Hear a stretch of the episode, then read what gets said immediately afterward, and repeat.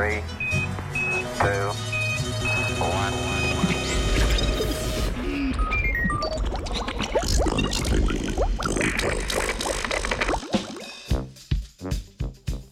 Dobro jutro. Nikoli ne veš, kdaj ti lahko maščobno tkivo pride prav. Ameriška raziskovalna skupina v reviji Cell poroča o odkritju skeletnih matičnih celic v odraslih ljudeh.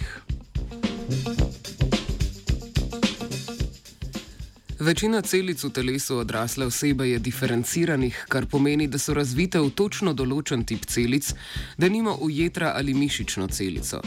Diferencirane celice se lahko delijo le nekajkrat ali pa sploh ne. Ker se diferencirane celice ne morejo razmnoževati v nedogled in tako obnavljati tkiva, imamo v telesu tudi tako imenovane odrasle matične celice.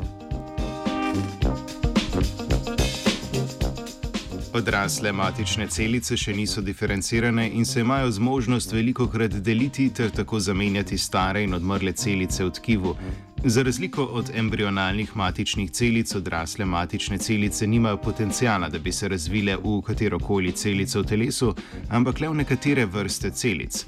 Naprimer, matične celice v kostnem možgu se lahko diferencirajo v katerokoli vrsto krvničk, ne morejo pa postati kožna ali žilčna celica. Preomenjena študija poroča o identifikaciji človeških odraslih matičnih celic, ki se lahko diferencirajo v kostne, hrustančne ali celice vezivnega tkiva. Nahajajo se v kosteh odraslega človeka. Podobne celice so bile že pred časom odkrite pri miših, zato so mnogi pričakovali skeletne matične celice tudi pri človeku.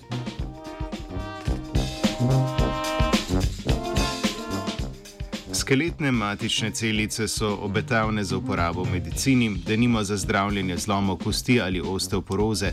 Ker pa je te celice težko izolirati iz človeka, so znanstvenice in znanstveniki poizkusili skeletne matične celice pridobiti v laboratoriju iz drugih celic. Ob dodatku določenih rastnih faktorjev jim je uspelo celice iz maščobnega tkiva spremeniti v skeletne matične celice. Ker je maščobno tkivo veliko lažje izolirati iz pacijentke oziroma pacijenta, ima pravkar opisani način pridobivanja skeletnih matičnih celic večji potencial za uporabo v kliniki. Maščobno tkivo kot potencialno zalogo matičnih celic vzdržuje Angelika.